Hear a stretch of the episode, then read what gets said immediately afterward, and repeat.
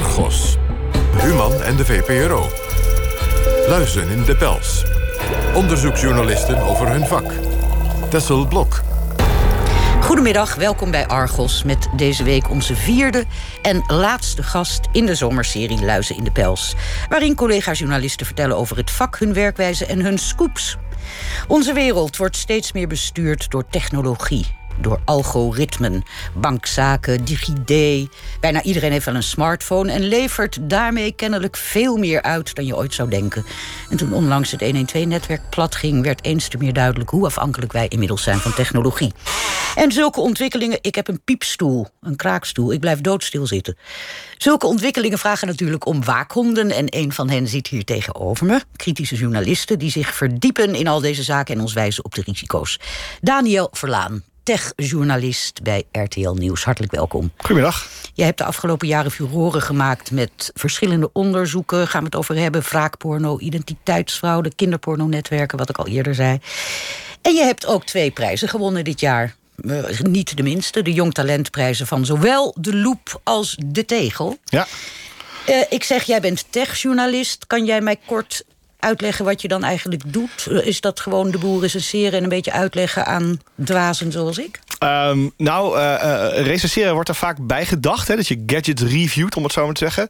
En dat is op zich logisch dat je daaraan denkt. Want zo is technologiejournalistiek een, klein tien jaar ongeveer geleden begonnen.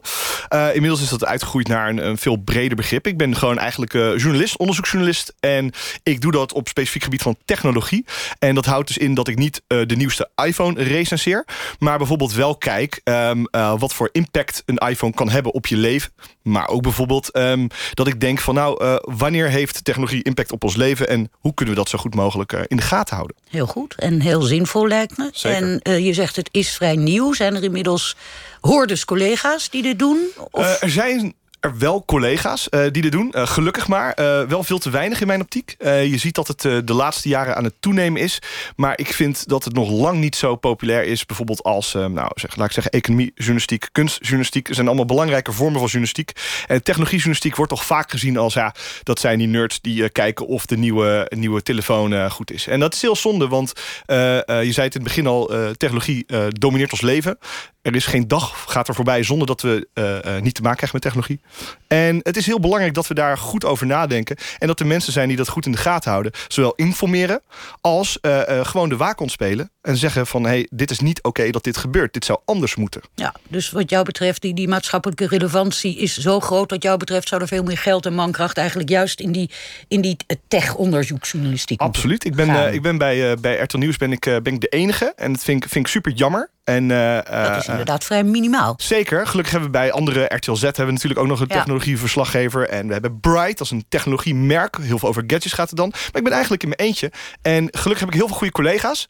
Alleen, ik zou het heel normaal vinden dat er vier technologiejournalisten zijn die samen onderzoek doen en samen uh, dit ontzettend belangrijk deel van ons leven in de gaten houden. Want dat, uh, wat belangrijk is, is natuurlijk de achtergrondonderzoeken, echt ergens dieper op induiken. Maar doe jij ook dagelijks nieuws? Uh, ja, als het, als het, het nieuws is wat, wat voor mij eigenlijk bestemd is. En dan gaat het voornamelijk over cybercriminaliteit. Bijvoorbeeld grote aanvallen met ransomware, hè, waar je veel over leest de afgelopen jaren. Waardoor hele delen van de wereld plat lagen. Nou, als zoiets ransomware gebeurt, zijn virussen? Het is een gijzelvirus. Dat je computer gijzelt eigenlijk en dan losgeld vraagt. Okay. Is het laatste jaar erg populair geworden. Zag je met WannaCry en Petja onder andere. Dat zijn twee grote uitbraken van dit virus. Er lagen echt heel veel dingen plat Oké, okay, dat is dan een voorbeeld van dagelijks nieuws. Heb Zeker. je andere voorbeelden? Want er zijn natuurlijk wat we zeggen... de technologie en, en algoritme beheer, beheersen ons leven. Je zou ja. denken, er is elke dag eigenlijk wel een nieuwsfeit... wat enige duiding van jou behoeft. Zeker, daar heb ik het alleen druk voor... met mijn eigen onderzoeken. ja, maar, je alleen bent. 112, ja. De 112-storing is bijvoorbeeld een, een, een onderwerp... waar ik me gelijk mee bezig hou. Ook vanwege de maatschappelijke impact daarvan. En ook omdat het belangrijk is om goed te duiden... waarom zoiets gebeurt. Vaak denken mensen het is een hackaanval misschien. Hè? Zijn het de Russen, wordt dan gelijk gezegd, dat soort dingen. En het is goed dat daar iemand naar kijkt met technische kennis. Die praat ook met mensen met technische kennis. En dat vervolgens vertaalt naar taal die nou ja, mijn ouders kunnen begrijpen. Dat is altijd mijn doelgroep in ieder geval. Ja, het is een handige doelgroep om voor ogen te houden. Ja. Een van de onderzoeken waar je heel trots op bent... en waarvan je zegt, eigenlijk word ik daar veel te weinig mee geassocieerd... uh, dat uh, um, is een onderzoek uit 2017. Dat ging over hoe onze stemmen worden geteld bij verkiezingen. We gaan eerst even luisteren naar een fragment van RTL Nieuws... 30 januari 2017. In Nederland stemmen we met het rode potlood en papier. Ouderwets, maar wel hartstikke veilig. Maar na een eerste handmatige telling op het stembureau... nemen computers het helemaal over. Gemeentelijke computers registreren de totaalaantallen stemmen. Die worden via verschillende verzamelpunten... uiteindelijk gebracht naar één centrale computer in Den Haag. RTL Nieuws keek samen met experts naar dit proces. Dat leverde een lange lijst op met beveiligingslekken. De lijst is zo lang en sommige zijn toch wel zo ernstig... dat het in het uh, geheel genomen uh, een, een echt onaanvaardbaar risico is. Dat vind ik zeer schokkend. Dat wij hier al uh, in ieder geval al acht jaar lang met uh, dit proces, met deze software, uh, onze verkiezingen bepalen. Dat begint al bij computers in het stembureau. Die mogen zijn aangesloten op internet en zijn dus kwetsbaar voor hackers. En ze kunnen ook nog eens draaien op het verouderde en onveilige Windows XP. Dat betekent dat iemand uh, die computers kan manipuleren... en ervoor kan zorgen dat er bijvoorbeeld andere resultaten in komen te staan. De software die de stemmen telt wordt beveiligd met een ouderwetse onveilige code. De beveiliging van een, een, een huistuin-keukencomputer is, uh, is nog beter dan die van de uh, Tweede Kamerverkiezingen. Het transport van het ene naar het andere stembureau gebeurt met onbeveiligde USB-sticks. Die mogen gewoon per auto of per fiets worden vervoerd door één ambtenaar. Dan zou die uh, honderdduizenden stemmen naar zijn hand kunnen zetten. Dus dan kan hij zelf bepalen wie... Wie, uh, wie die stemmen krijgt. Ja, wie ze krijgt. De experts vonden zo tientallen grotere en kleinere kwetsbaarheden... in het systeem waarmee we de macht in Nederland verdelen. Ja, we stemmen met de hand, hartstikke veilig. En vervolgens geven we het over aan een computer waarvan uh, het systeem niet blijkt te deugen. Ja. Nou, uh, hoe, kwamen jullie, hoe kwamen ja. jullie dit op het spoor, Daniel? Um, nou, uh, allereerst, we, we, eigenlijk dit was een tip. En we kregen een tip binnen van, van iemand die zei... de software waarmee de stemmen in Nederland voor de Tweede Kamerverkiezingen worden geteld... dat maakt gebruik van SHA-1. Nou, dat, dat, ik denk dat heel veel mensen nu die luisteren niet weten wat het is. Daarvoor heb je dus technologiejournalisten in dienst. Uh, SHA-1 is een zeer verouderd versleutelingsalgoritme.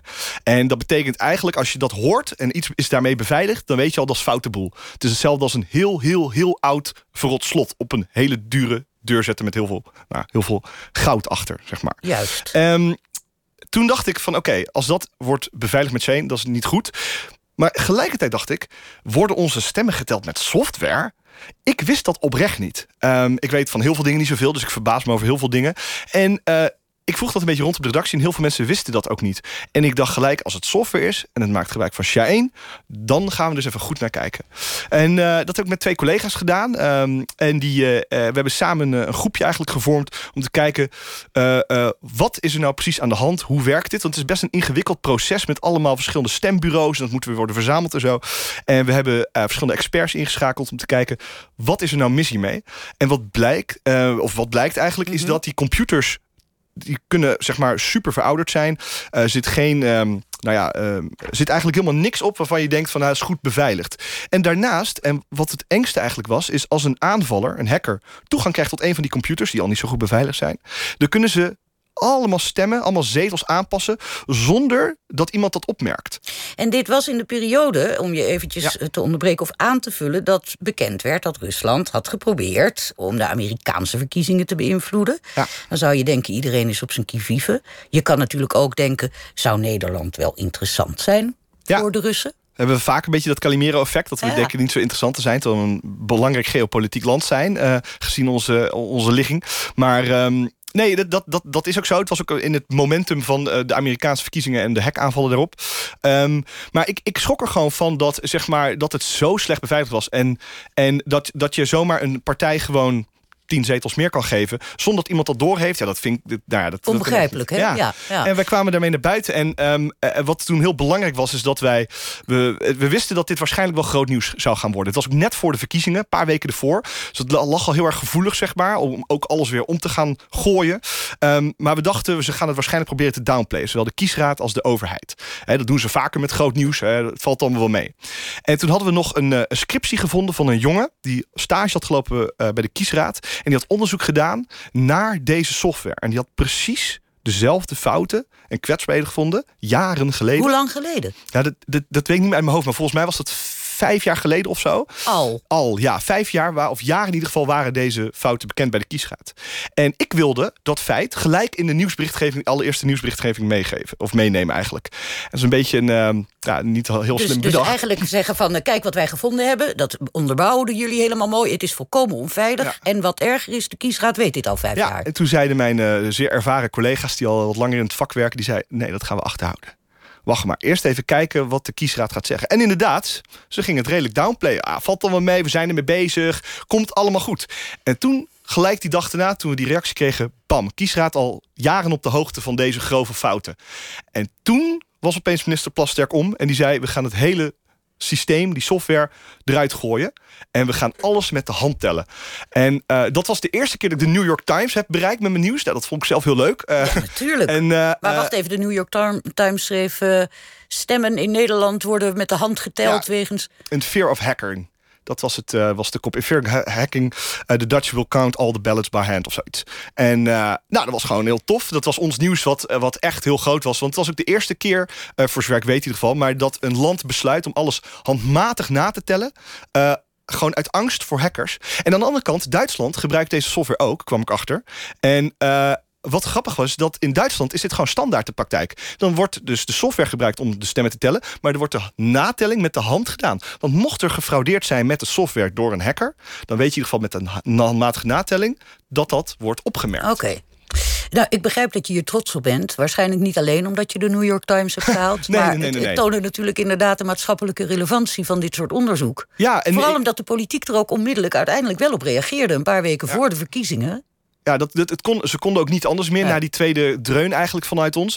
En we, we vonden het ook, en dat is ook echt iets, dat is natuurlijk journalisten eigen. Dit, wij vonden dit zo'n grote misstand. En we waren ook verbaasd dat al deze verkiezingen, het gaat niet alleen over de Tweede Kamer, ehm, dat al die verkiezingen al jaren op deze slecht beveiligde software zijn gebaseerd. En je gaat dus al afvragen, hè, eh, wanneer is er misschien wel mee gefraudeerd? Wanneer is het wel goed geweest? Nou, dat eigenlijk nooit.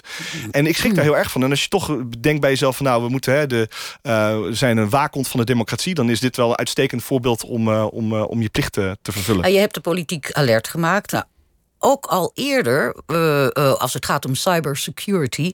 Want jij en een paar collega's van je hebben ook politici gehackt. Hè? Kees van der Staaij van de SGP. Ik vroeg Ja. me al af waarom juist hij. Het is niet, niet, echt de allergrootste partij. En Nee. misschien ook niet zo heel veel op social media, weet ik niet. Pieter Omtzigt van het CDA. Waarom? Wat Ehm, wilden jullie daar nou mee bereiken? Nou, dat, eh, dat was eh, net voor de, verkeer- zeg maar het, het verhaal waar we het net over hadden, Ja. over de stemmen tellen. En dat was inderdaad ook omdat de Russen toen heel vaak probeerden eh, de Amerikaanse verkiezingen te proberen te hacken. En toen dachten wij, ehm, hoe zit het eigenlijk met de veiligheid van onze politici? En eh, wat je dan eigenlijk het makkelijkste kan doen is om te kijken, kunnen we ze eigenlijk hacken? Hè? Hoe makkelijk zijn ze? En eh, deze mensen die, je- die je net opnoemt, we, we hebben niet gekeken van wie willen we graag hacken. We waren gewoon kijken wie uit de Tweede Kamer zijn te hacken. Nou, en er kwamen een aantal namen, maar ook eh, beleidsmedewerkers, par- eh, leden van de partij en dat soort dingen en zo. En we vonden het belangrijk om aan te tonen dat zelfs onze eh, eh, volksvertegenwoordigers, die, en vooral ook Kees van der Staaij zat in de commissie stiekem, hè, waar Ja, staatsgeheim ja, gedeeld. veiligheidsdienstenwerk wordt besproken. Ja. Ja, en eh, eh, eh, wij dachten van nou, als hun veiligheid al zo slecht op orde is... Nou, dat, dat vind ik echt schrikbarend slecht. Dat zijn juist de personen die hun veiligheid heel goed op orde moeten hebben. Eh, want om een voorbeeld te geven... ehm, eh, bij een aantal politici die wij hebben gehackt... eh, konden wij zeer gevoelige berichtgeving zien. Wij zagen dat er groepsgesprekken waren met andere politici. ehm, dat soort dingen en zo. Dat, dat is best wel... En hoe werd daarop gereageerd in Politiek Den Haag? Ehm, Boos? Want gehackt? Of dachten ze van, oeh, het is goed dat we hier eens eventjes met ons neus op de feiten worden gedrukt? Uh, eigenlijk eerlijk gezegd, we hadden gedacht dat ze heel boos zouden reageren. Je kan hier aangifte van doen. Het is namelijk strafbaar. Ja. Um, uh, maar dat was niet zo. Ze namen het heel sportief op. En uh, ook omdat wij hadden bijvoorbeeld um, alles wat we hadden gedaan met het hacken en, en toegang gekregen tot accounts, allemaal opgenomen. Hebben we allemaal bewaard hè, voor bewijsmateriaal. Dat we Hoe niet, jullie te werk zijn gegaan. En, precies. Ja, ja. En we hebben allemaal van tevoren duidelijk geïnformeerd van hey, we gaan dan en dan met het nieuws naar buiten. Um, pas je wachtwoord aan, allemaal dat soort dingen en zo.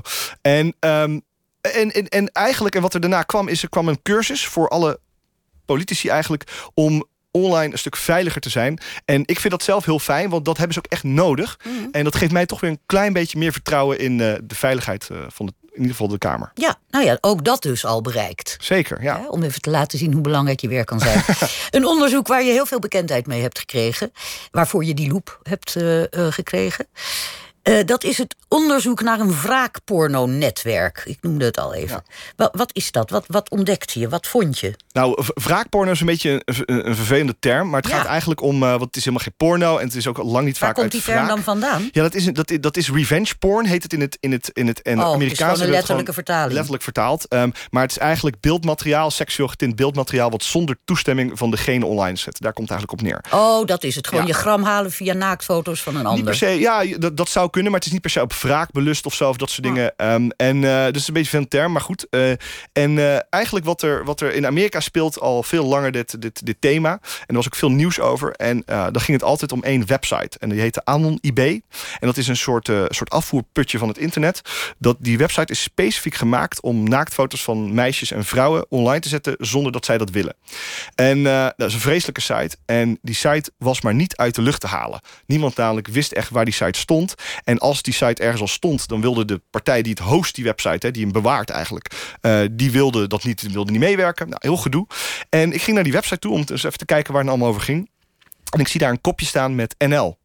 En ik denk, druk daar eens op, hè, want het zal wel Nederlands zijn. En ik kom gewoon bij het Nederlandse onderdeel. En eh, daar zag ik een, eh, dat er naaktfoto's werden gevraagd van een jong meisje uit is een klein dorpje in Friesland. En ehm, toen reageerde iemand erop. want, eh, Echt een klein dorpje. En eh, toen reageerde iemand op. Oh, die heb ik wel, die naaktfoto's van, eh, van haar. Wil je die ruilen tegen een ander meisje? Hij zegt, ja, is Dat goed. zag jij voor je ogen gebeuren. Ja.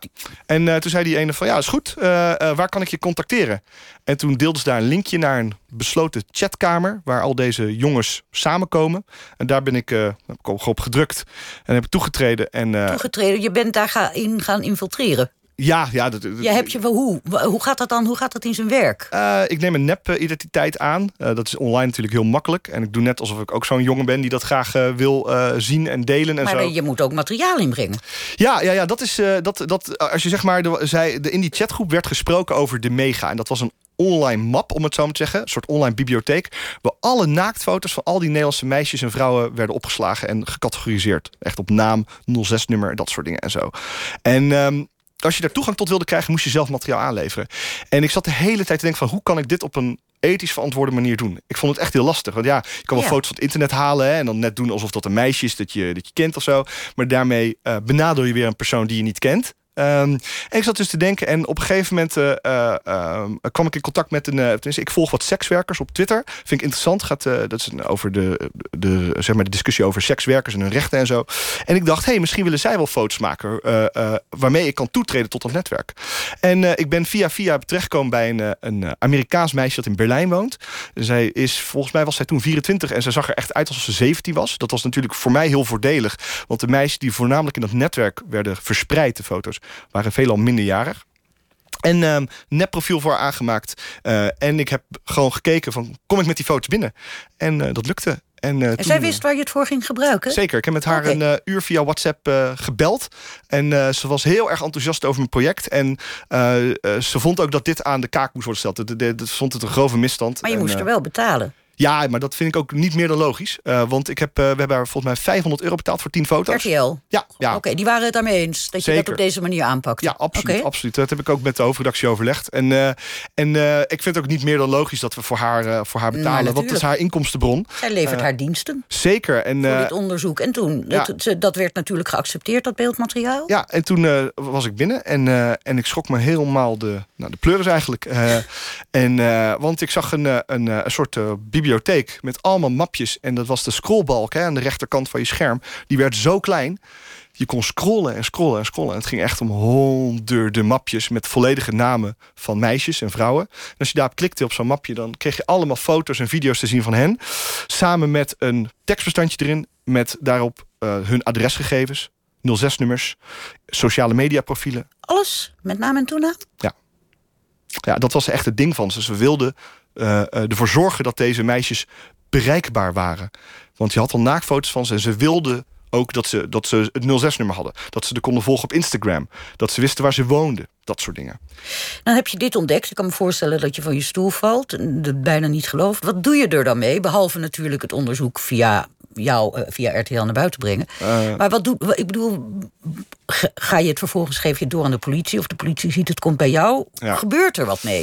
Of uh, wordt het geconstateerd en gaan we over tot de orde van de dag? Dat, dat is per onderzoek eigenlijk verschillend. Ehm, ik, in, eigenlijk voor al mijn onderzoek heb ik nauw contact met de hoofdredactie en juridische zaken. Um, en eigenlijk de hoofdredactie bepaalt in dit soort gevallen wat wij doen hiermee. In het geval van dit wraakpornonderzoek was omdat het zoveel slachtoffers waren, mm. die velen ook niet wisten dat zij online stonden in dit netwerk. Um, hebben we besloten om de politie uh, enkele dagen op de hoogte te brengen. Zodat indien zij stappen willen ondernemen, zij de mogelijkheid hebben. Want als wij hierover publiceren, dat zag je ook in dit geval, dan, dan zijn ze binnen een dag weg. Tuurlijk, ja. ja. En dat is heel lastig voor de politie nog om onderzoek te doen. Um, dat, daar, daar zit soms wel eens wat frictie in. De politie wil bijvoorbeeld vaak langer de tijd hebben. Um, wij hebben namelijk weer baat bij dat het zo snel mogelijk wordt gepubliceerd. Omdat wij daar meer slachtoffers ook weer mee voorkomen. Dus, dus daar zitten geconflicterende belangen bij. Maar we wegen in ieder geval per onderzoek af of het noodzakelijk is om te melden. Het, het klinkt, als ik je zo hoor vertellen hierover, alsof, alsof je alsof het een roeping voor je was om techjournalist te worden. Dat is overigens helemaal niet het geval. Het is eigenlijk nee puur toeval dat jij hier zit inmiddels als techjournalist. Je ja. bent op een heel andere manier begonnen, toch? Of niet? Ja, ik, uh, ik, ik heb gewoon de school van journalistiek gedaan, hè, zoals uh, zoveel journalisten overigens. En uh, ik wilde muziekjournalist worden. Oh.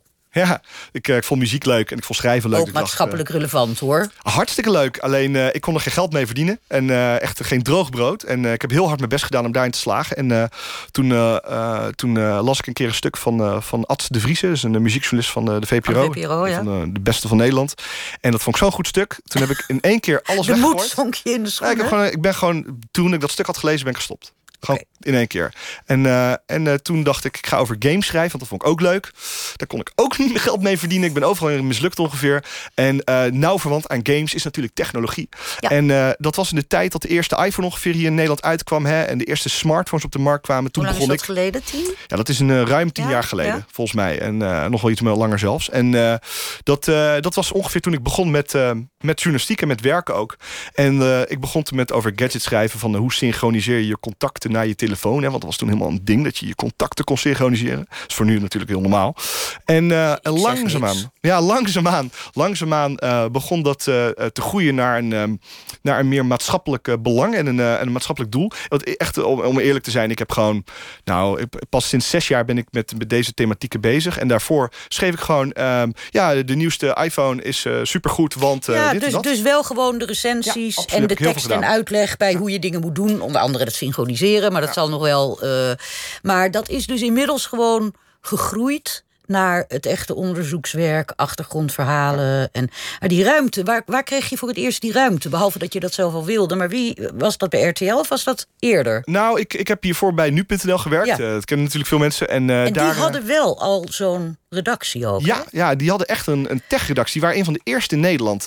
En dat, dat was allereerst super gaaf. Want uh, dat was echt een, ja, dat was een grote redactie. Echt vijf man hè, daar. En die zitten nog steeds. Volgens mij zitten er nu nog steeds vier. Dus dat is toch vrij opmerkelijk dat nu.nl als enige ja. zo vroeg daarbij was. Om ja. daar het belang van in te zien. Klopt. En dat komt ook omdat zij veel met technologie al bezig waren. Ze hadden al als een van de eerste een app natuurlijk in Nederland en zo. Daarom zijn ze ook zo groot geworden. Maar nu.nl, uh, met alle eerlijkheid, is gewoon uh, kort nieuws. Uh, ja. Weinig heel veel eigen onderzoek. Um, en dan liep ik wel soms tegenaan daar. Dat vond ik lastig. En op een gegeven moment ben ik naar RTL gaan. En, en, daar kwam ik opeens tussen heel veel. was echt een hele grote club natuurlijk, RTL Nieuws. Um, heel veel hele ervaren journalisten. Uh, ook een van mijn grote idolen is Pieter Klein. Uh, dat, die, daar ben ik zelf heel erg fan altijd van geweest. Um, en uh, ik mocht opeens met hem samenwerken. Nou, dan word je heel erg geïnspireerd door dit soort mensen.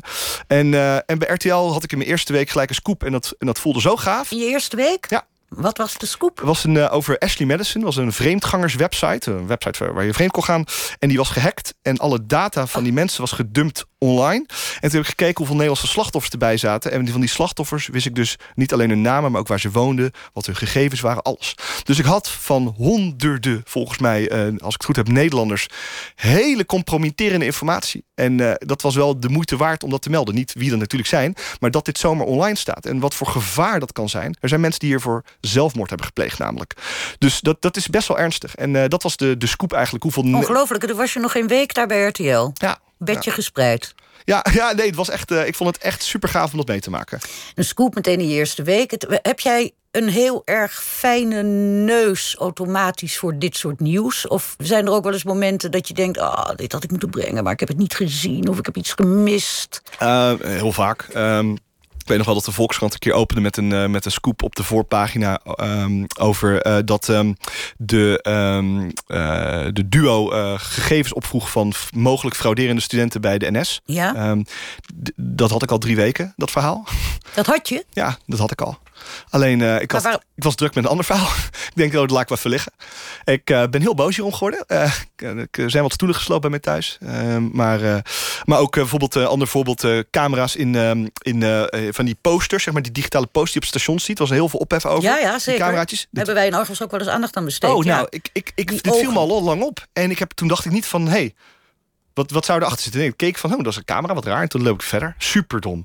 En, oh, om, maar wacht ja. even, want dan zeg je dus... Ik, ik, ik, ja. Dat duo-verhaal had ik al van frauderende studenten. De ogen in, in reclamezuilen had ik al. Ja. Maar is het dan omdat jij als techneut of als geïnteresseerde... dat eigenlijk gewoon denkt van... oh, maar ja, dat zal wel, dat zal iedereen wel weten... en het al niet eens meer ziet als nieuws? Ik, ik, of? ik, daar in het eerste verhaal had ik gewoon weinig tijd voor. Uh, dit, en die, die camera's, ik, ik, dacht gewoon, ja, dat is wat raar. En toen liep ik gewoon verder. Super stom. Ja, ik, dat soort dingen. Ik had ook bijvoorbeeld laatst een lek in Tikkie ontdekt. Uh, waarbij, uh, wat? Een, oh ja. Tikkie, dus die, die betaal-app. Ja. En daar was een update voor. En toen kon ik van iedereen zijn IBAN vinden. En IBAN worden IBANs worden vaak gebruikt ter verificatie van je identiteit. Als je bijvoorbeeld je je verzekeraar opbelt of hè, dat soort dingen en zo.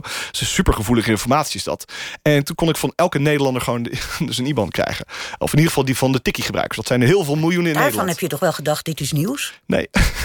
Nee. Daniel. Ja, in de ik was in de avond aan het klooien hiermee. En ik, uh, ik, zat het, ik, zei, ik, ik, heb het gewoon op Twitter gezet. En ik zette dat nieuws gewoon op Twitter. Maar ik zeg, oh wat grappig. Ik kan gewoon van iedereen IBAN krijgen. En, en uh, ik weet nog wel dat mijn chef me, me aansprak. En die zei, hey, wat, uh, wat ben jij aan het doen? Gek. Doe eens normaal. En in de ochtend kwam ik dan weer op de redactie. Zei, die zullen niet even een stukje over maken. En toen zat ik, ja, joh, zullen mensen dit wel interessant vinden? Zei, ja, tik daar een stuk over. Het was hartstikke groot nieuws die dag. Ja, het is ook maar soms Daniel, heel stom. Dan zou je, maar dat bedoel Ja. ik. Jouw, jouw, jouw brein is misschien wel iets anders geprogrammeerd dan. Misschien moet je je nu zelf toch maar aanleren... dat als je iets opmerkt, ook al denk jij... Hm, schouderophalend, om het toch maar bij je redactie te melden. Ja, dat is altijd Die heel slim. kennelijk dan. Ja, Er zitten heel veel goede journalisten daar, veel beter dan ik. Dus dat is altijd hartstikke handig. Alleen, ik, ik, ik, ik merk gewoon dat ik soms denk... oh joh, dat, eh, dat zal, wel, zal wel niet heel erg nieuw zijn. En, eh, en dat is soms, soms heel lastig. Omdat, eh, en dat komt misschien ook omdat ik de expertise al heb. En dat je dus nou ja dat bedoel ik. Jij kijkt. hebt een soort... Dit, dit is het wet van de remmende voorsprong, een Ja. beetje. Ja. Maar ik probeer in ieder geval op te letten. En ik, ik heb de afgelopen tijd twee scoops per ongeluk op Twitter nog gezet. Gewoon dat ik gewoon toe. Ja, ik zag een, een, een tablet die je kon hacken. Waarmee ik allemaal nou ja, heel veel gegevens van de inwoners van Utrecht eh, kon krijgen. En toen dacht ik, oh, dat is een beetje klein voor RTL Nieuws Utrecht. Hè? Dus ik geef het aan RTV Utrecht. Nou, dat heb ik ook geweten van de redactie. eh, dat soort dingen. Dus ik, ehm, ik, eh, ik moet er meer op gaan letten van de hoofdredactie. Laat ik het zo zeggen. Oké. Zullen wij het even gaan hebben over inspiratiebronnen voor jou? Laten we eerst daartoe even gaan luisteren naar een fragment uit het NOS-journaal van negen jaar geleden al, juli 2010. Goedenavond. Niet eerder in de geschiedenis werden zoveel geheime documenten gelekt als dit weekend.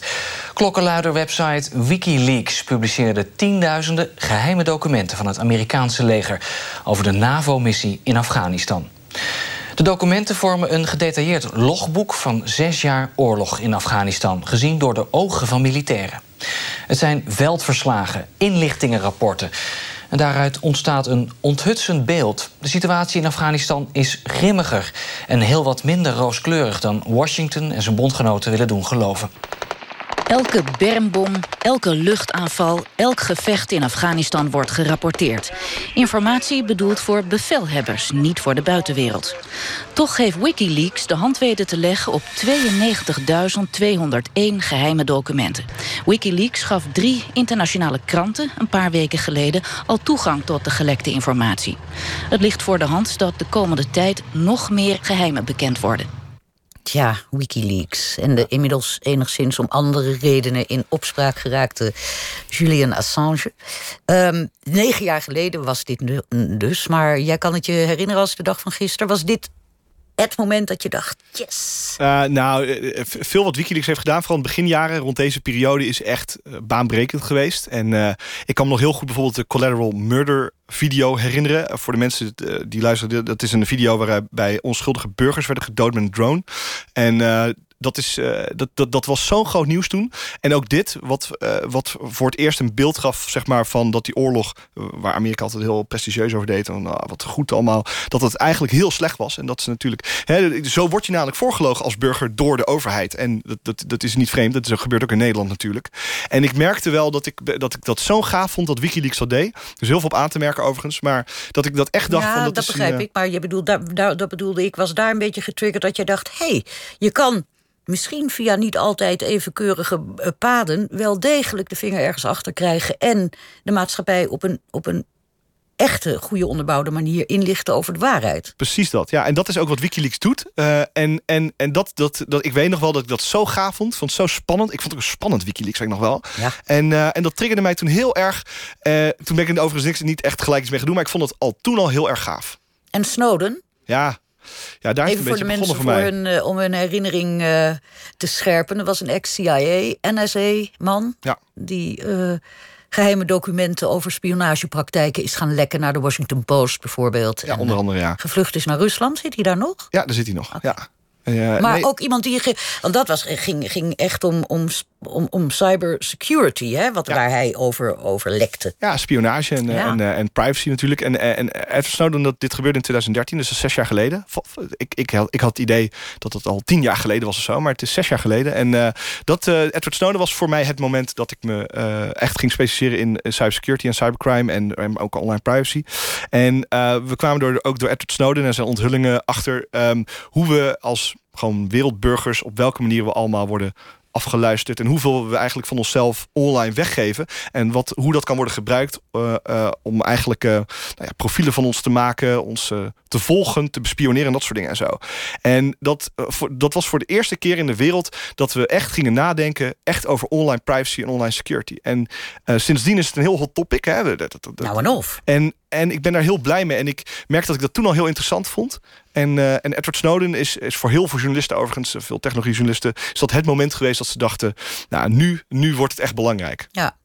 Uh, je bent dus inmiddels gespecialiseerd hè, in, in cybercrime. Zou je een voorbeeld kunnen geven van onderzoek dat je, dat je op dit gebied hebt gedaan? Want cyber, cybercrime crime, leg nog eens even kort uit wat het is. Het is online criminaliteit. Letterlijk. Zeker. En ja. dat, maar dat is heel breed, want dat kan dus ja. van alles zijn. Ja. Behalve dan een, een, een echte moord. Ja, nee. Maar het, verder het, alles ongeveer. Kan, ja, zeker. Het is gewoon uh, criminaliteit. gaan eigenlijk misdaadjournalist, maar dan online uh, vaak kan je het een beetje mee vergelijken. Ik doe cybersecurity en cybercrime. Hè. Cybersecurity Geef eens een voorbeeld van, van, de, van een beetje recent voorbeeld. Uh, een beetje recent voorbeeld is dat ik zag dat er mensen waren in online criminele werelden waar ik dan zit, die, zij, die stelden in ieder geval dat zij de NAW-gegevens van een kenteken konden achterhalen. Hè, dus als jij een kenteken had, dan wist je van, van wie dat kenteken was en waar die persoon woonde. En ik vond dat best wel heftig. Dat, dat, dat, dat zou ik niet fijn vinden als ik op, de, op, op straten of op, op de snelweg rij... en dat iedereen maar weet wie ik ben, zeg maar. Nee. Als ik een keer ruzie heb op, op, in het verkeer en zo, dat soort dingen. En, uh, maar dat, en dat duidt dus uh, op een lek bij de Rijksdienst voor het Wegverkeer? Dat, dat zou kunnen, dat weten we niet zeker. Maar dat is online criminaliteit namelijk. Dat is -huh. iets wat je, wat je niet zou mogen doorverkopen. Die NW-gegevens zijn gevoelige gegevens, dat mag absoluut niet. En op die manier is dat een online criminaliteit. Maar bijvoorbeeld ook wel een heel grappig voorbeeld was... weet ik nog wel, dat er heel veel jongeren die hun rijbewijs gaan halen of net hebben gehaald, die maken daar een selfie mee op Instagram. Want dan zijn ze trots op hun rijbewijs. Heel logisch. rijbewijs zo in beeld. Precies. En deze jongeren zijn niet al te... Nou ja, die denken daar niet over na. En ik kwam erachter dat op het dark web... Uh, dus een verborgen deel van het internet... waar veel criminaliteit plaatsvindt... dat die selfies worden doorverkocht voor identiteitsfraude. Van Nederlandse tieners. Ehm, nou, dat is ook online criminaliteit. En dat is natuurlijk dat je een misstand opspoort en dan zegt van hey, dit, dit kan eigenlijk niet. Het is niet oké dat dit gebeurt. Maar tegelijkertijd een stukje voorlichting. hey, ga alsjeblieft niet met je rijbewijs op de foto. Sowieso maak nooit foto's van identiteitswijzer. Maar ga er ook geen leuke selfie mee doen. Want die selfies worden gewoon gebruikt voor marktplaatsfraude. Dit is waar ik het over had in de inleiding. Die alertheid die jij mensen zo graag bij wil brengen. Hè? Die, uh, denk na, je hoeft niet met alles te stoppen. Maar denk in vredesnaam na over wat je doet. dat is al lastig genoeg hoor. En, uh, het, en, het, en dat vind ik ook hartstikke. En ik snap het ook heel goed. Uh, we hebben nu bijvoorbeeld weer heel veel fraude met QR-codes. In de laatste tijd dit nieuws. Waarbij je bankrekening kan worden leeggetrokken als je maar een enge eh, QR-code scant. En uh, belangrijk is gewoon dat je eigenlijk vertelt hoe die online criminaliteit nou eigenlijk gebeurt. Hè, hoe dat in zijn werk gaat. Waar je het aan kan herkennen. En dat je mensen erop wijst. Dat is het eigenlijk. En dan is het verder aan hen. Want ik kan niet iedereen gaan helpen. Nee, dat zou ik nee. heel graag willen. Maar door een, zeg maar een, een breder publiek te dienen en, en te zeggen van... hey, let hierop, want dit is een nieuwe manier van cybercriminelen... om jouw bankrekening te plunderen. Dat is in ieder geval heel fijn. Het dark web, je liet het net al even vallen. Uh, wat moet ik me daarbij voorstellen? Want je zegt dat is het geheime deel van internet. Ja, ja het is. Nog, uh, Zie ik nog, nog geen beeld. Nee, nee. Nou, uh, als je, je het wil visualiseren, is het gewoon een browser. Ja. gewoon uh, zoals we allemaal gebruiken. Um, maar dan een speciale browser waarmee je speciale websites kan bezoeken. die je niet in je normale browser kan bezoeken. Dus mm -hmm. die zijn een speciale manier. En maar die zien er precies hetzelfde uit hoor. Er zijn gewoon normale websites. En er wordt dat een beetje geheimzinnig over gedaan. En ik snap ja. het ook wel, want het is wel best wel spannend, klinkt het ook. Uh, maar het is in feite gewoon websites, alleen dan niet met .nl erachter, maar met .onion. Dat is eigenlijk het verschil. Ja, dat, ja, dat is het eigenlijk. Dat en, is het. Uh, ja, en, daar, en daar klik je op en dan ben je er. Ja, zo simpel is het eigenlijk wel, ja. Maar dan, dan ben je er. En ja, dan? dan? moet je je weg weten te vinden. Dat is lastiger, want je moet bijvoorbeeld, er is niet echt makkelijk een zoekmachine zoals bijvoorbeeld Google. Uh, dus je moet weten waar je moet zijn. En uh, wat het belangrijk, of, het, of zeg maar, de eigenschap van, van het dark web en de browser die heet Tor, die je daarvoor gebruikt. Tor zorgt ervoor dat je anoniem op het internet kan zijn. Wat natuurlijk heel fijn is voor bijvoorbeeld dissidenten, mensen die kritiek hebben op totalitaire regimes en zo. Maar tegelijkertijd geeft het mensen ook de mogelijkheid om criminele dingen erop te doen. Want je bent volledig anoniem op Tor. En uh, die websites die erop staan, mensen weten niet waar die websites precies zijn. Normaal gesproken, als je een illegale website hebt, dan trek je gewoon, dat in ieder geval de politie, trekt dan de stekker eruit bij die website. Dat kan dus niet zo makkelijk bij Want Tor. ze weten niet waar ze nee. zitten. De, de, uh, um, jij hebt onderzoek gedaan, ook naar iets op dat dark web, namelijk naar een Nederlands kinderporno-netwerk. Ja. Ook uh, daar, of daar geïnfiltreerd, daar ben je undercover gegaan. Ja. Luisteren we eerst even voordat we uh, het daarover gaan hebben, hoe je dat uh, gedaan hebt. En wat er uitgekomen is naar een fragment van RTL Nieuws van 13 mei van dit jaar. Wordt de presentator afgewisseld met iemand van de politie. Onze techjournalist Daniel Verlaan ontdekte dat Nederlandse mannen specifiek op zoek zijn naar Nederlandse kinderporno op het dark web. De bezoekers van de fora zijn allemaal man. Verder gaat het van jong tot oud en door alle lagen van de bevolking. De misbruikers kennen hun slachtoffers vaak uit de omgeving. We weten dat het grootste gedeelte van het materiaal wat wij zien... Uh, nog steeds wordt geproduceerd... en het hands-on misbruik nog steeds wordt geproduceerd in de bekende kring. En dan praten we echt over meer dan 50 procent. Vaak is het dus een oom, buurman of verzorger... die zich vergrijpt aan de kinderen die ze hier op beelden tegenkomen. We spreken de moeder van een jongen die jarenlang is misbruikt door iemand uit zijn omgeving. Er werden beelden van gemaakt en online gezet. Onherkenbaar, vertelt ze erover. Ja, dat is eigenlijk onverteerbaar. Dat een beeldmateriaal is dat niet van internet afgaat... en dat er nu dus gewoon ergens in de wereld het nog rondzwerft... en dat er dus mensen zijn die zich daar nog dagelijks aan uh, verlikkeren. Het misbruik is gestopt, maar het materiaal wordt nog gedeeld online. En zo is 80 tot 90 procent van de beelden die rondgaan op de fora oud materiaal. Maar ondertussen komt er wel steeds weer een percentage nieuw materiaal bij. En kennelijk ontwikkelen zij een zekere markt voor dat materiaal. He, dus er is wel degelijk een groot gevaar om je daar te begeven en kinderporno te kijken... dat dat ook kan leiden tot nieuw materiaal. Um, Daniel Verlaan, hoe kwam jij dit nou op het spoor? Je zat op dat dark web. Je zegt al, je weet niet zo goed waar je moet zoeken. Hoe krijg je hier lucht van? Um, nou, ik, uh, ik kan wel heel goed zoeken op het dark web natuurlijk. Uh, maar um, nou, het dark web wordt voornamelijk gebruikt voor criminele doeleinden. Dus uh, wapens, drugs en inderdaad kinderporno. En uh, nou, over uh, drugs en wapens zijn al heel veel verhalen gemaakt. En kinderporno uh, wat minder. vooral omdat een, het is natuurlijk een taboe onderwerp. Um, en, en tegelijkertijd um, is het ontzettend levendig daar. En ook onder Nederlanders. Je hebt echt Nederlandse netwerken daar. En ik zat daar, ik, ik, en ik zeg maar, hè, ik, ik kijk altijd wat er gebeurt op dat, uh, op dat dark web en wat voor illegale dingen daar gebeuren. En uh, ik zag dus dat er kinderporno-websites waren. En dat is natuurlijk niet heel vreemd. Maar dat er specifiek Nederlandse delen daarvan zijn. Met Nederlanders die daar Nederlands praten. Met elkaar communiceren. Die beelden daar van Nederlandse slachtoffers delen en zo. Dat vond ik best wel heftig. En, en ik dacht, dat is iets wat volgens mij veel mensen niet weten. En wat voor professionele, uh, professionele manier dat gebeurt daar. En ik denk, daar ga ik eens even kijken. Um, om te kijken wat ik kan achterhalen. En um, uh, wat er allemaal gebeurt, wat voor, godzijdank, de meeste mensen verborgen blijft. -hmm.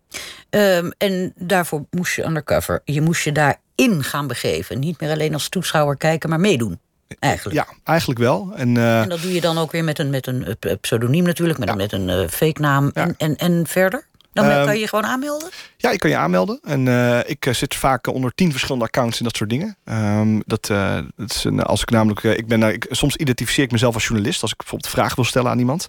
dan is het natuurlijk zo gepast om dat niet undercover te doen. Maar jezelf gewoon te identificeren. En vaak word je dan gelijk eruit gegooid. Ja. Maar dan heb ik een ander account waardoor ik er toch nog over kan bekijken. Wat ze over mij weer zeggen. Want dat, ik was bijvoorbeeld een topic daar binnen. Die, die RTL mm. lul, om het zo te zeggen, was, was mijn benoeming daar. Um, nou, nog een naampje erbij. Maak het uit gezellig elf. Ja. Um, maar het was, het, ik heb daar enkele maanden daar binnen, binnen gezeten. En ik, heb, ik heb zeg maar, in tegenstelling tot wat, wat mensen denken, ik heb niks zelf gedeeld. Of dat soort dingen. Ik heb ook niet per se heel erg met gesprekken bemoeid. Soms een klein beetje. Maar ik heb vooral gewoon gekeken. En gewoon, gewoon gekeken wat daar gebeurt. Gemonitord eigenlijk. En, wat, wat ben je tegengekomen dan? Um, Lijkt me geen feestje voor je om daar een paar maanden getuige van te moeten zijn. Nee, nee, nee. In alle eerlijkheid, ik begon ermee uh, na mijn vakantie. Ik was een uh, week op vakantie geweest en ik kwam lekker fris, uh, fris weer op werk. En was maandagochtend en ik denk, ik ga eens even Dark Web op, even kijken wat, wat leuk is. om een verhaal over te maken. om een beetje simpel te zeggen. En ik kwam dus vrij snel bij die kinderporno en toen die Nederlandse deel, dat Nederlandse deel. En ik schrok zo erg van die beelden die ik daar zag. Maar ik, ik, ik, ik vond het ook, zeg maar, ik wilde het ook weer zien of zo. Omdat ik het gewoon niet kon geloven soms, zeg maar, wat daar gebeurde. En ik, uh, ik heb toen vier uur lang daar in die net, dat netwerk gezeten en echt de meest nare uh, dingen gezien. Uh, vaak worden namelijk video's daar aangeboden, maar dan zie je zeg maar screenshots. En dan kun je dan zelf op klikken. Dus je, je weet, als je erop klikt, dan krijg je iets naars te zien. Maar soms zie je dus uh, uh, screenshots of zeg maar voorbeelden, maar dan met een kort bewegend stukje, een mm -hmm. gifje heet dat dan. En daar schrok ik me echt, nou, dat, dat, dat, dat, dat staat nog op mijn netvlies gebrand, dat soort dingen. En um, toen, toen heb ik dat vier uur lang bekeken en nou, ik was echt, ik kon niet slapen. Ik, uh, ik kon echt twee nachten nauwelijks uh, ervan slapen. En ik was echt een soort zombie op de redactie. En toen uh, zei me de hoofdredactie, die zag dat aan mij. En die zeiden van, ga even snel met iemand praten. Zeker. En, je kent, mag ik aannemen, wel de verhalen ook van mensen die bij de zedenpolitie werken. Die, ja, er is een grens aan wat je ja. in je hoofd gestouwd kan krijgen. Hè? Je moet... ja. ja, ik dacht al wel dat ik het wel aankon. Dat is ook een beetje dingen. Hè? Ik, oh joh, uh, pff, dat, dat lukt me wel. Uh, maar dat, dat lukt zeker niet. Uh, en het is echt heel heftig. En ik heb toen samen met een traumapsycholoog... die gespecialiseerd is om journalisten te helpen... heb ik een manier gevonden om er op een, een, een structurele, veilige manier dit te onderzoeken. Want het, het, het, het ding was, um, er werd daar veel Nederlands beeldmateriaal gedeeld. Ik wist alleen niet of het Nederlands was. Als zij zegt dat het Nederlands is, dat betekent natuurlijk niet dat het daadwerkelijk is. Je kan niet alles natuurlijk wat je daar leest of hoort geloven. Dus je moet Precies. het ook nog eens gaan checken. En dan moet ik de beelden downloaden, bekijken en analyseren. Alles wat je op dat moment doet is hartstikke illegaal, hè? Ja, absoluut.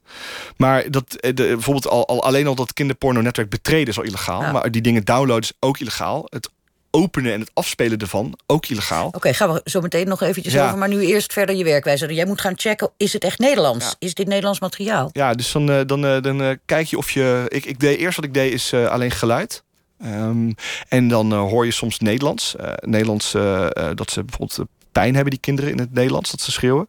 Um, dus dan weet je dat het Nederlands is. Uh, en daarna, uh, als ik niks uit de audio kon horen, dan moest ik de beelden gaan bekijken. En dat deed ik eigenlijk, zeg maar, ik, ik zette mijn muis gewoon stil en dan ging ik elke keer een beetje kijken wat er was.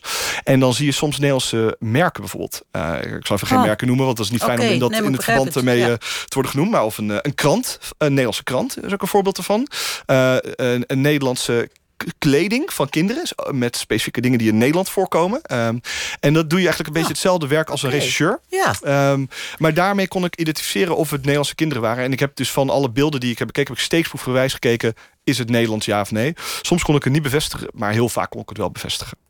Dan heb je de uitkomsten van het onderzoek uh, geverifieerd en wel... voor zover je dat kon doen. Ehm, heb jij dan contact met slachtoffers ook?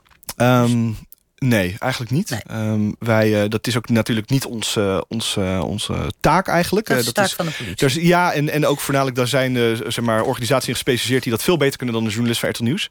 Um, maar we hebben wel contact gezocht via een advocaat... die een van de slachtoffers bij stond, die we ook hoorde in het fragment. De moeder van een, van een zoon die is misbruikt... en van die beelden online zijn gedeeld. En die wilde heel graag zelf met ons praten. Uh, waar wij heel blij mee waren. En waarbij we ook voor het eerst een, een, eh, een beeld kregen van wat, voor, wat dat doet met iemand. Want ik zag alleen die beelden en dat is verschrikkelijk. Maar je denkt nog helemaal niet na over wat de impact is voor de familie en ook voor het slachtoffer zelf. De, deze jongen die was bijvoorbeeld heel bang dat hij werd herkend op straat. Omdat die beelden van hem online rondzwerven. En dat is natuurlijk vreselijk als je dat hoort. En, uh, en voor die vrouw, die was vooral ook, die vond het fijn om erover te kunnen praten voor het eerst eigenlijk ook.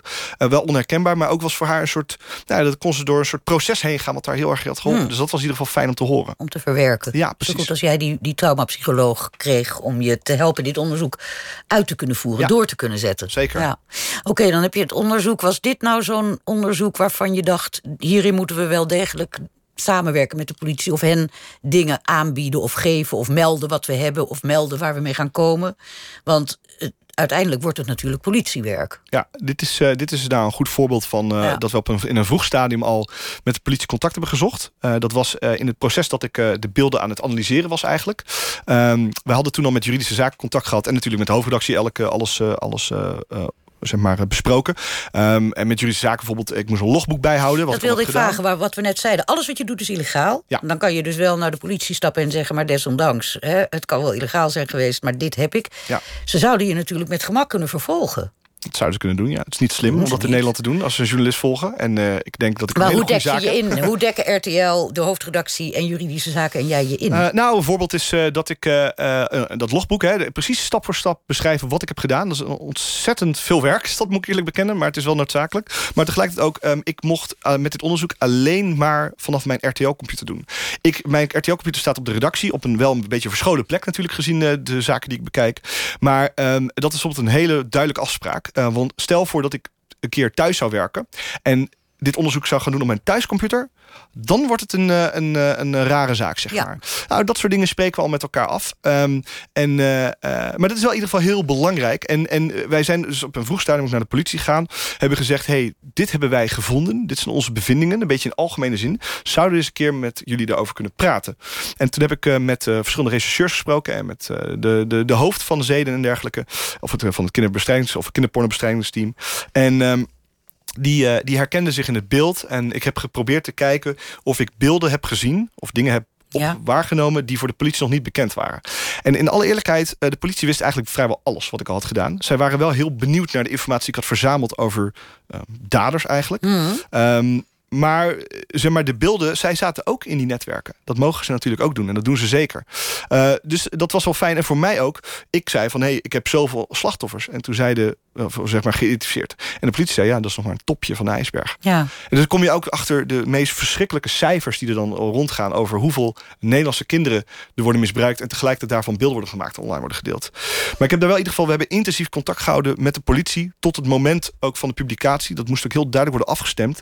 Want de politie weet dat als wij hierover publiceren... dat vaak die mensen ondergronds gaan. Ja. Dus dat moesten we allemaal goed... Nog ondergrondser dan zal zijn. Ja, en het zijn ook wel... dit is een zaak waarvan ook de hoofdredactie dacht... dit moeten we goed bespreken, met de politie ook. En we moeten natuurlijk niet... ik bedoel, we zijn geen verlengstuk van de politie. Dat is ook heel belangrijk als journalist. Uh, ik bedoel, ik werk niet voor de opsporingsdienst... anders was ik wel politieagent geworden. Maar het is wel belangrijk om bij dit soort gevoelige thematiek... waarbij de mogelijk kinderen nog in gevaar zijn... Zeker. om dat dan goed te bespreken. Je bent inmiddels dus heel veel undercover geweest. Je infiltreert, je neemt allerlei gedaantes aan op het internet. Ben jij nooit bang dat, je, dat er iemand achter jou aangaat? Dat iemand nu ook al onder een soort pseudoniem... dat jij denkt, oh, gezellig, leuke vriend of vriendin... Je, je moet doelwit zijn van een aantal woedende mensen. Zeker, ja, daar ben ik zeker. Ben je daar niet bang voor? Nee hoor. Hoe merk je dat, dat je dat bent dan? Eh, ik word vaak eh, ge- aangevallen. Eh, online, zeg maar. Ehm, en ik, dat, dat, dat, dat is ook logisch. Ik snap ook dat heel veel mensen boos op me zijn. Ehm, want ik, ik, ik haal dingen naar de voorgrond die mensen verborgen willen houden. En nou, je, je ziet soms dat, dat, dat in mijn omgeving, in mijn binnenste kringen... ook wel eens mensen worden aangevallen. Als ze mij niet kunnen, niet kunnen hacken, bij wijze van spreken... dan, dan maar een andere persoon. Ehm, dat, is, dat is heel vervelend, vooral voor die Ehm, maar dat gebeurt en daar moet ik alert op zijn. Dus ik ben, eh, ik ben standaard heel alert op alles wat er binnenkomt. Anonieme bronnen is bijvoorbeeld altijd heel lastig voor mij... omdat ik niet zomaar bestanden open van iemand... en ook zeker niet zomaar afspreek met iemand. Dat soort dingen. Dus maar daar praat ik veel over. En, eh, en eh, ik ben verder niet zo bang aangelegd. En, bovendien weet je veel. Ik, Ik- bedoel, je, je ligt mensen voor, of via je eigen website, hoe heet die ook alweer? Laat je niet hek maken. Laat je niet hek maken, ja. Ja. Waarin je, blijft leuk. Waarin je mensen uitlegt hoe je te beschermen tegen hekken. Ik bedoel, jij weet jezelf natuurlijk goed te beschermen. Eh, relatief goed. Ik ben natuurlijk nooit 100% veilig, maar ik probeer er echt veel mee bezig te zijn. Ook omdat ik gewoon een doelwit ben. En daarnaast, ehm, ik, ik, eh, zeg maar, ik, ik wantrouw veel mensen. Eh, dus ik, ik, ik ben altijd, ik denk altijd, wat moet die persoon van mij? Waarom wil die iets van me weten? Veel mensen vragen ook dingen aan me. Van, hey, dat of dat, of waar ben je misschien mee bezig? Dat soort dingen. Wie, wie ben jij? Waarom wil je dit weten? Waarom zou ik dat tegen jou vertellen? Allemaal dat soort dingen. Dat is een beetje journalist eigen, denk ik ook. Mhm. En ik praat gelukkig over mijn, mijn werk met, met mijn collega's die het wel mogen weten. Niet, al, niet altijd overigens, maar de meeste wel, gelukkig. Ehm, en, eh, en dat is in ieder geval fijn. En je kan ook met de, de hoofdredactie kan ik ook eh, eh, praten over... hey, eh, hoe is dat nou eh, om eh, te worden aangevallen? En eh, bijvoorbeeld, je, je, er is ook soms wel eens... eh, nou ja, eh, je kan ook, ik, ik weet nog wel bij de, dat hacken van de politici... Ja. dat ik daar heel veel boze reacties op kreeg van mensen. Die vonden dat ik dat echt niet had mogen doen. En dat mag natuurlijk, mag je helemaal je mening geven. Maar er waren echt mensen die echt doodsbedreigingen naar me stuurden. Nou, toen, eh, toen zei ik dat een beetje laconiek. En toen, eh, en toen zei de, eh, Pieter Klein, weet ik nog wel, de Ja. toenmalige adjunct... die zei van, nou ja, als je me in ieder geval... als je er moeite mee hebt, weet hem te vinden... we krijgen allemaal wel eens doodsbedreigingen binnen als journalisten. Dus vrij normaal. En eh, als je aangifte wil doen... we hebben bij RTL ook hele goede systemen ervoor. Dus eh, komt helemaal goed. Oké. Je bent eh, bezig met een boek. Waar gaat het over? Kort? Heel kort. nou, eh, niet heel kort. Ja, nou. kort. Minuutje. Nou, ik, eh, ik ben het aan het schrijven. En eh, dat, eh, dat komt uit vol, eind volgend jaar bij Das Mag. Een hele gave uitgeverij. Ja, zeker. En eh, eh, dat gaat eigenlijk over de duistere kant van het internet. Allemaal dingen wat je van... Over van die dark web. Onder andere ook. Maar eh, van, eh, het gaat voornamelijk over de onderzoeken die ik doe voor RTL Nieuws. Maar dan vanuit mezelf beschreven. En, eh, maar ook tegelijkertijd over de opkomst van bijvoorbeeld ransomware. Wat een, wat een ontzettend groot thema is. Maar ook het verschil tussen goede en kwade hackers. En dat is allemaal aangevuld met verhalen uit de, de, de werkelijkheid. Hè? Gewoon, gewoon echte verhalen, mensen, interviews en zo. En om een leuk voorbeeld te geven. Er is bijvoorbeeld een vrouw die had een webcam gekocht... om haar hondjes thuis in de gaten te houden als ze aan het werk was. Die webcam werd gehackt en die zei opeens tegen haar... Hallo, señorita, toen ze uit de douche kwam. Dit is een prachtig voorbeeld van een hilarisch verhaal...